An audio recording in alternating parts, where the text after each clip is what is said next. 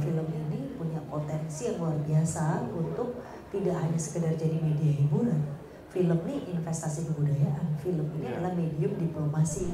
Kita sampai sekarang juga belum punya undang-undang yang ada permennya.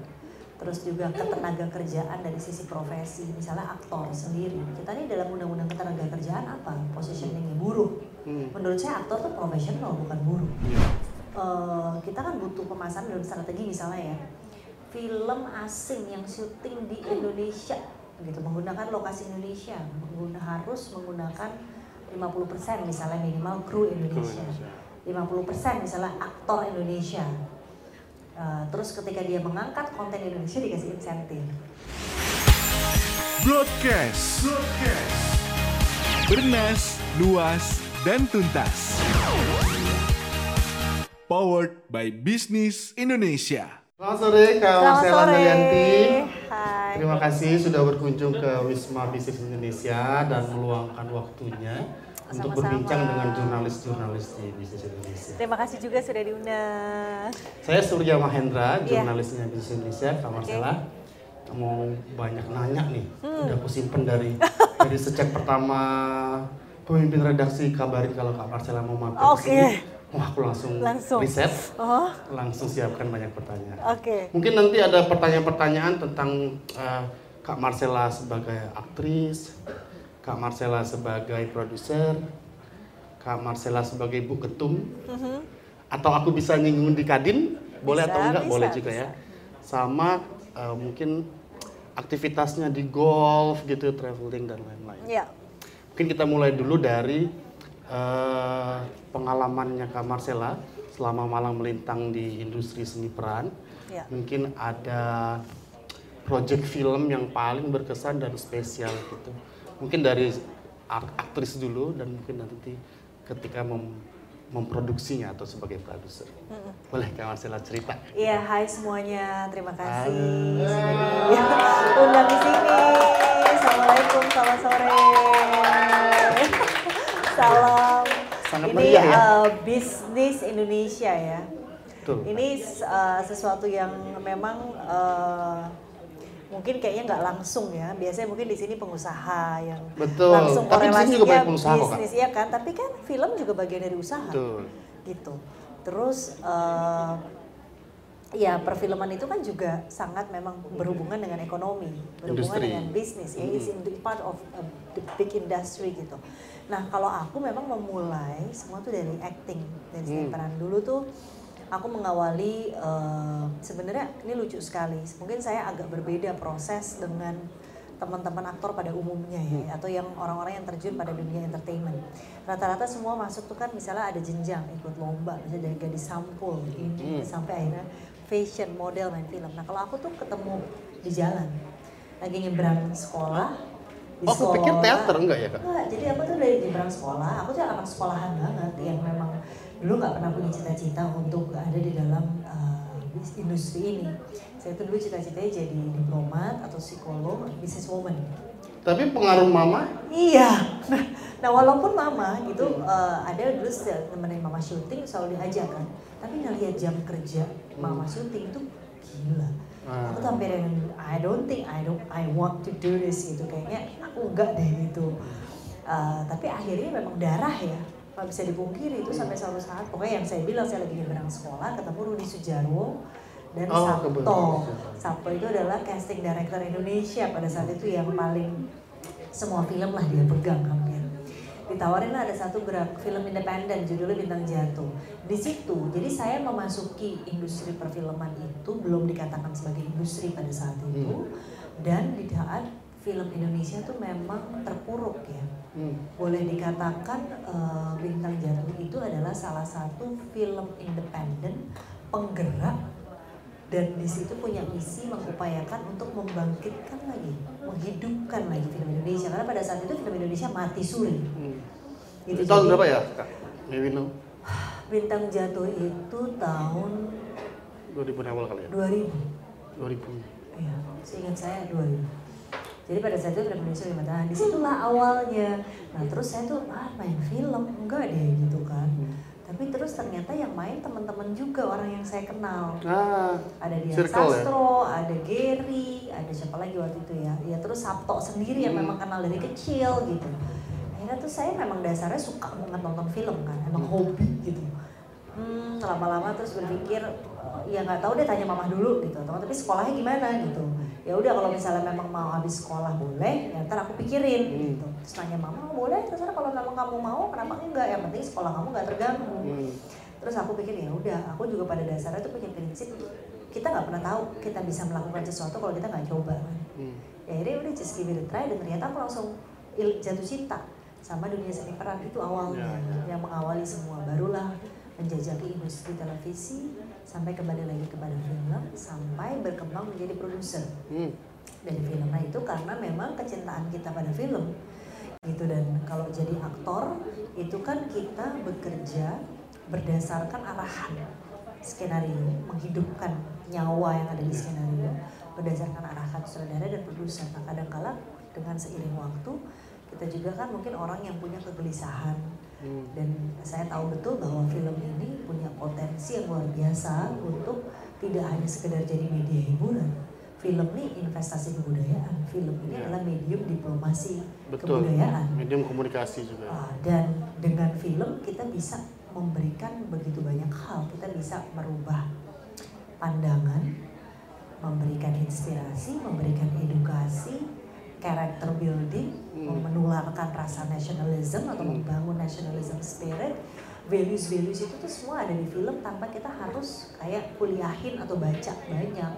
Dan itu kan terbukti ya. Misalnya kita tahu Amerika begitu negara yang begitu besar dan kuat karena nonton film Rainbow Hmm. right? So like uh, Korea gitu yang sampai sekarang merajai uh, dunia kreatif juga sampai begitu banyak orang Indonesia yang uh, cukup apa ya magnetnya tuh kencang banget ngefans banget Iya. sama aktor Korea cowok-cowok kita yang bergaya-gaya Ya bahkan menggeser Korea. Jepang ya tadinya culture Jepang Iya. itu sekarang Korea banget. Korea terus juga uh, sinetron-sinetron yang betul-betul mengundang air mata yang kita nggak bisa berhenti nonton karena mereka punya strategi kebudayaan yang begitu kuat. Nah, pada intinya adalah kayaknya dengan film tuh kita bisa menyampaikan apa yang ingin kita sampaikan gitu kan baik itu berhubungan dengan culture, masalah kemanusiaan, masalah sosial dan lain sebagainya. Akhirnya aku decide untuk ya udah aku memang harus produce nih Hmm. sendiri supaya apa yang ada di kepala dan hati kita bisa kita tumpahkan. Hmm. Gitu. Dari situlah belajar. Jadi belajarnya dari acting, habis itu baru coba producing film sendiri. Nah dari situ terus berkembang uh, lebih dalam lagi di dalam industri uh, film. Nah energi tadi kemudian dimanifestasikan dalam Keana ya. Iya, itu dimanifestasikan. Memang ketika kita ingin berproduksi, kita tentu harus membangun rumahnya kan. Betul. Harus ada rumah produksinya yaitu Keana. Jadi Keana itu adalah kreasi anak bangsa. Hmm. Gitu. Dan sampai sejauh ini bagaimana penetrasi Keana dalam Eh, sebenarnya aku karena memang eh, cukup idealis mungkin ya jadi memang aku bikin film awalnya tuh bukan kayak gue bikin film pengen cari uang gitu. Hmm. nggak ke situ tujuannya tetapi memang eh, lebih kepada eh, bahwa film ini penting untuk dibuat gitu. Jadi memang tidak selalu setiap tahun harus ada film gitu. jadi aku bikin yang memang kayak gitu aku main gitu acting kayak karena aku suka. Saya bukan acting kayak kerja gitu yang untuk mendapatkan mata pencaharian. Kita ambil apa aja gitu peran Hmm. untuk untuk sustain gitu. Saya enggak saya saya ambil kalau saya suka perannya saya suka ceritanya saudaranya gitu kan nggak mau gitu. Begitupun bikin Hmm. gitu. Jadi eh, ya udah berjalan sampai terakhir tentu Keana itu tidak hanya film kadang kita juga ada dokumenter ya. terus kadang-kadang ada uh, campaign campaign komunikasi tertentu yang baik gitu ya. Terus uh, social campaign sampai dengan kemarin bikin pementasan Malaksamana ke Malahayati itu memang kita udah riset kayak dua tahun lebih gitu ya dari sebelum pandemi terus kita bikin komik mau bikin film nah sebelum ke film kita bikin pementasan kemarin Kayak teater gitu. teater. Jadi play uh, Jalasena Laksamana Malahayati itu last Oktober. Hmm. Kemarin memang diputar dalam rangka HUT Angkatan Laut karena Malahayati ini kan First Lady Admiral-nya uh, Aceh ya Hmm. uh, pada saat itu. Jadi dengan itu pula uh, sebetulnya ini kan juga kenapa Malahayati itu kan penting banget karena itu adalah simbol kekuatan maritim. Negara kita kan negara maritim. Tapi identitas kemaritiman kita tuh kayak sempat hilang di telan waktu menurut saya. Itu saya dengan melihat ada tokoh Malahayati yang sampai bikin Ratu Elizabeth pertama aja kirim Manchester ke Aceh untuk cari siapa sih ini perempuan ini kok bisa uh, menggerakkan ribuan perempuan janda-janda menjadi pasukan elit terus mereka melawan Cornelis de Houtman gitu penjahat yang paling ditakutkan. Jadi kita tuh pernah pada masanya Aceh tuh disegani gitu oleh banyak negara lain Portugis, Inggris, Belanda itu segan banget gitu dan melihat kita tuh kuat sekali secara maritim. Nah sebenarnya dengan tokoh ini kan kita mengembalikan identitas, memori itu dan lain sebagainya sekaligus it's not only about woman empowerment juga hmm. yang mana sampai sekarang ini relate menurut saya gitu.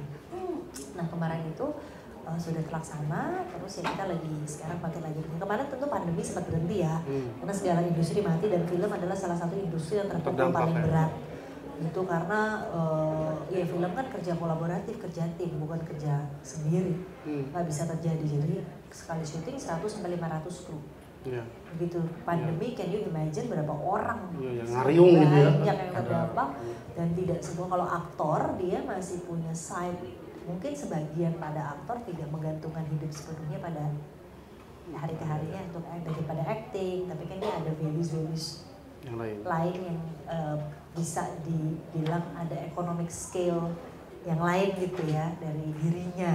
Hmm. Jadi penghasilan tidak mungkin tidak semata-mata 100% dari syuting ke syuting gitu. Hmm. Tapi banyak pekerjaan lain dalam bidang film itu kan film kan seluruh hampir lintas sektor. Tidak hanya pekerja kreatifnya penulis, sutradara dan aktor, tapi di situ ada uh, kuliner, ada makanan, catering, PU, kru kamera, gitu make up kostum yeah. semua yang pelatih acting yang memang hari-hari makannya ya dari syuting gitu. Jadi begitu itu berhenti kan itu ya, aktivitas bisnis pendukung yang juga ikut dari hulu ke hilir? Iya. Iya dari hulu ke hilir. Nah kak kalau dari 2000 tadi ya dari bintang jatuh sampai dengan saat ini kan berarti uh, almost 24 tahun gitu ya. Mungkin apa yang kak Marcella lihat dari perkembangan industri seni peran dan perfilman di kita apakah yang pasti kita pro? punya kemajuan hmm. uh, market share film Indonesia juga naik hmm.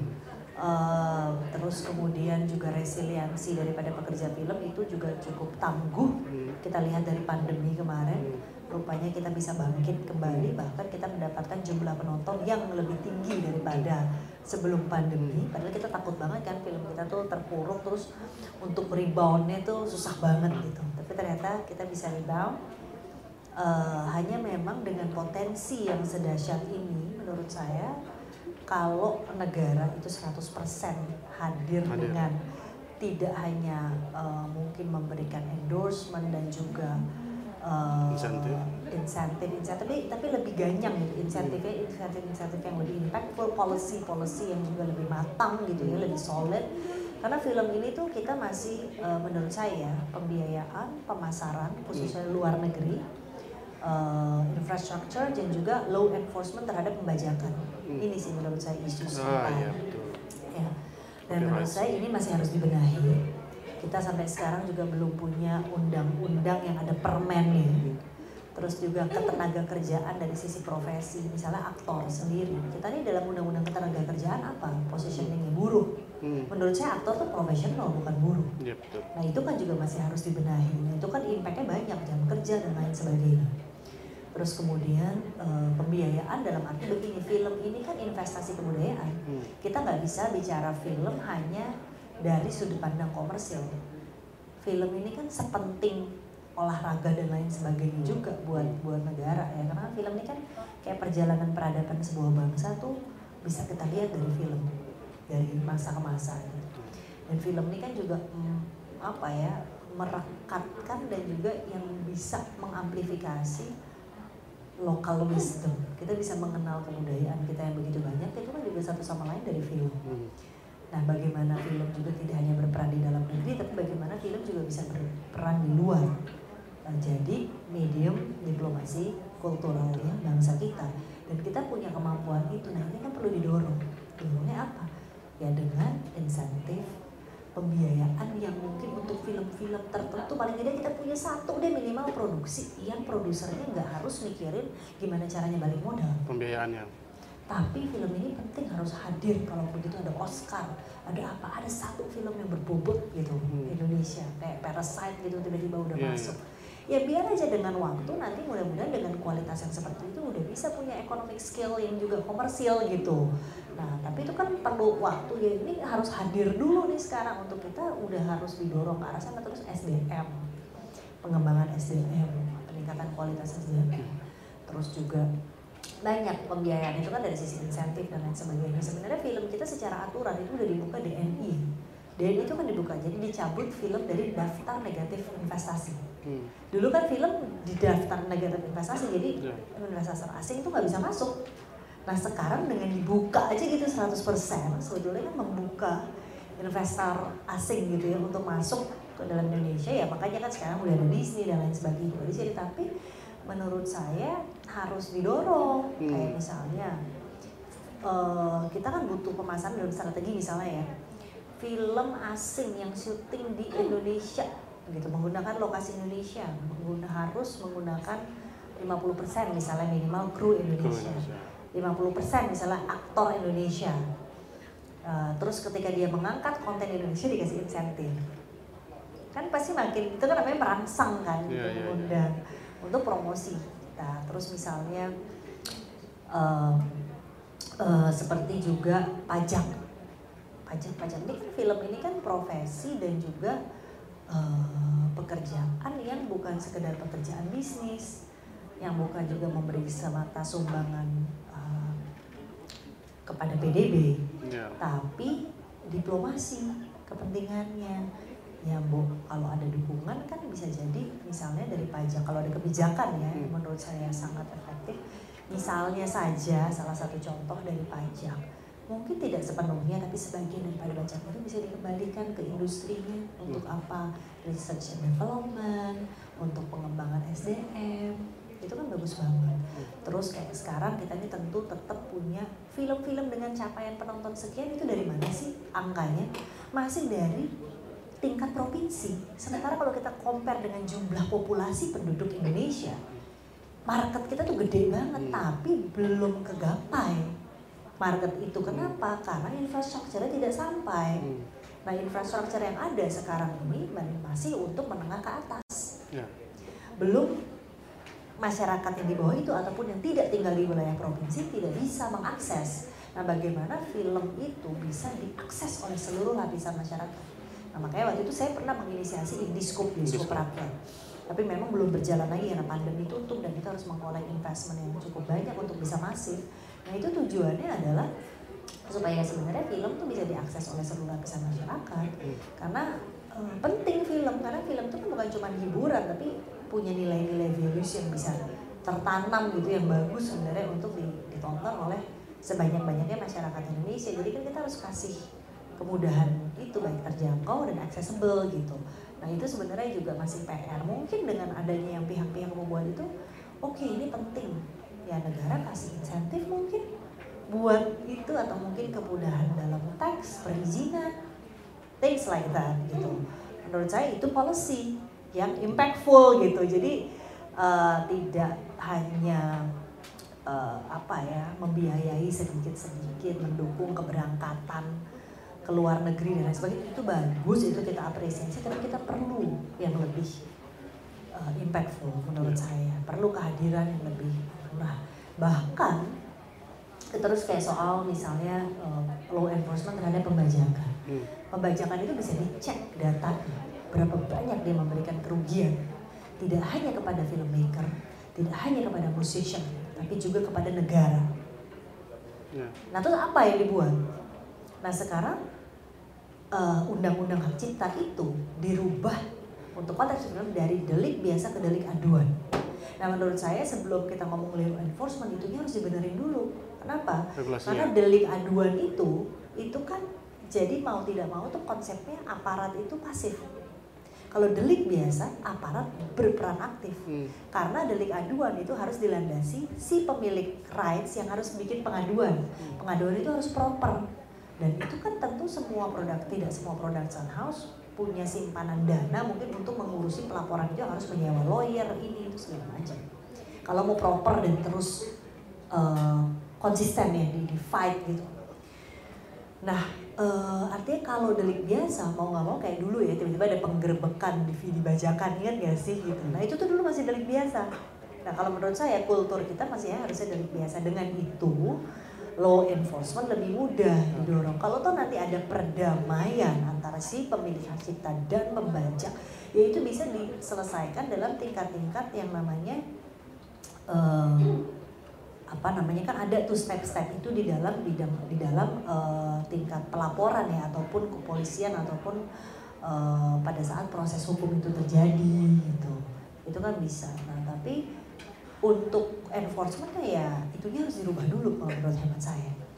Kedua kalau aku berpendapat kayaknya ya ini bisa pro bisa kontra sih kita tuh harus punya either badan khusus atau memang kementerian kebudayaan sendiri. Hmm. karena kita ini gede banget yang ingin di, diurus dan pendidik kita nggak bisa jadi dan atau yang kedua gitu. Misalnya kayak pendidikan pendidikan tuh kan banyak sekali PR-nya gitu. Pekerjaan yang tidak mudah. Begitupun pariwisata nah kita nggak bisa jadi bagian dari memang film ada hubungannya dengan pariwisata hmm. tapi kan beda gitu.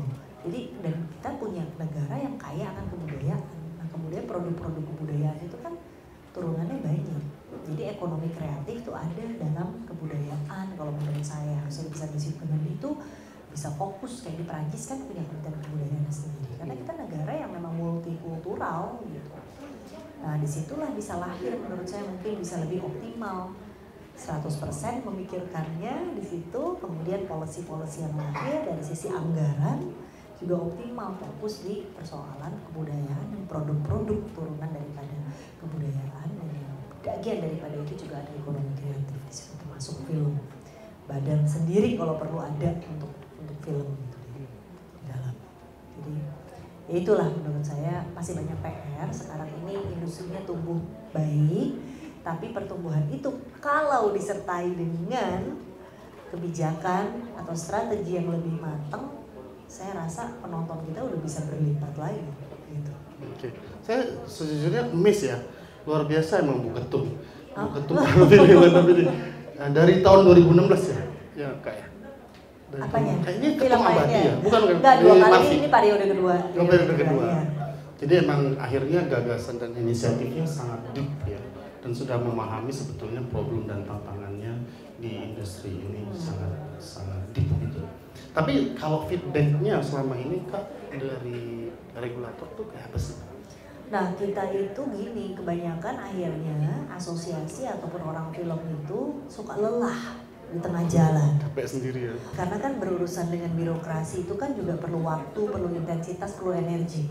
Sementara orang film kan juga uh, hari-harinya mereka kan juga harus memikirkan konten hmm. yang mereka bikin, harus memikirkan sustainability uh, bisnis yang berjalan dari rumah-rumah produksi masing-masing. Hmm.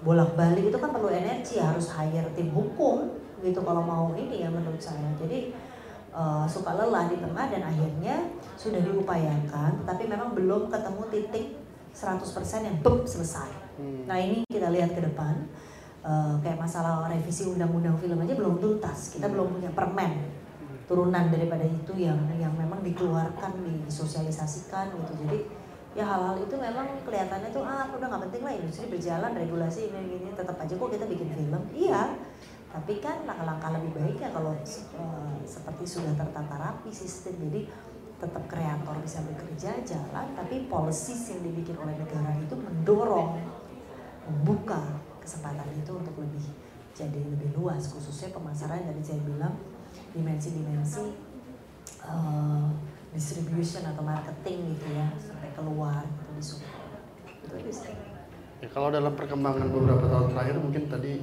agak disinggung soal OTT ya kak masalah uh, over the top kayak ada banyak mulai tayang dari luar negeri tayang dari dalam negeri pun juga ada gitu produk untuk OTT kalau positioningnya dari para kalau itu kan waktu awal mungkin dianggap sebagai ancaman hmm. ya ancaman gimana nih film di bioskop? Nggak laku lagi dong. Orang pada nonton di rumah nggak bayar ataupun bayarnya lebih murah whatsoever. Saya tapi punya keyakinan dari awal. Saya bilang bahwa eh, OTT dan ini memang harus ada koordinasi. Harus ada koordinasi sinergitas dan mungkin regulasi juga yang membedakan supaya dua-duanya tetap bisa tumbuh. Hmm. tapi saya percaya film industri film di bioskop maksudnya itu nggak akan mati kenapa karena menghadirkan experience yang beda Betul. nonton di bioskop tuh nonton di OTT kita nggak dapet experience kayak kita nonton di bioskop Betul. mungkin orang tertentu yang punya kemampuan membangun bioskop di rumahnya beda ya gitu dia bisa mengundang teman-temannya nonton tapi berapa orang yang punya begitu pasti kan tetap di bioskop kita bisa nonton dengan keluarga dengan pacarnya dengan anak apa itu kan ada experience yang lain yang Betul. Segmennya berbeda ya, segmen experience. Iya, ada experience dan uh, social relation, social apa ya, social culture gitu, kal- ada sebuah culture yang nggak bisa di replace menurut saya. Dan kita tetap di situ. Dan tadi itu terbukti dengan adanya sekarang OTT, tetap orang datang kok ke bioskop, tetap kok penonton bioskop cukup bagus gitu. Dan ada film-film yang box office, walaupun memang nomin uh, jumlahnya dari mungkin 100 film belum belum sampai presentasi yang lebih tinggi film yang box office ya gitu. Tapi ya itu kan membuktikan bahwa bioskop tetap dibutuhkan. Iya. Saya sebenarnya sebel tadi ngelihat eh, kode dari timekeeper karena ada setelah riset terus kemudian ngumpulin banyak pertanyaan dan curiosity yang jibun gitu kayak dikasih waktu setengah jam cukup ya? Apa sih gitu ya kayak cuma sedikit satu pertanyaan aja. Iya, iya. bagaimana sih relasinya ketika Kak Marcella itu yang cukup sibuk di industri seni peran tiba-tiba sangat menggemari golf kemudian punya Mars Golf juga? Ya ini Mars Golf. Ya. Dari tadi. Karena Iya. sebenarnya segmentasinya sangat dekat. Aku main golf karena tapi malas bangun paginya kan oh ya nanti kapan-kapan main ya. Iya. Kan dekat dari Halim aku biasanya iya, main iya. Jadi kalau saya memang suka golf tuh dari dari umur berapa ya? Dari muda sekali. Terus saya sempat berhenti 10 tahun. Begitu kemarin pandemi, ya golf kan adalah salah satu olahraga yang bisa dilakukan pada saat pandemi karena dia ada di ruang terbuka. Hmm. Jadi saya main lagi, main lagi. Akhirnya ya udah karena memang saya cinta banget sama golf, memang suka ya salah satu hobi lah ya. Terus eh, kadang-kadang kita kepik kerasa gitu saya kalau mau cari baju golf perempuan tuh nggak terlalu gampang, lebih gampang buat laki-laki akhirnya saya ketemu teman saya eh, partner saya Yola. Dia pengen bikin baju golf saya bilang saya tuh juga pengen yang sama. Tapi saya pengen yang ada organik yang punya purpose. Jadi saya pengen bisnis ada purpose. Bisnis ada impact terhadap apa? Environment atau apa? Ada good impact ada social impact ada positive impact. Ya udah kita bikin aja semua yang eco friendly berani nggak? Saya bilang saya berani karena saya maunya begitu.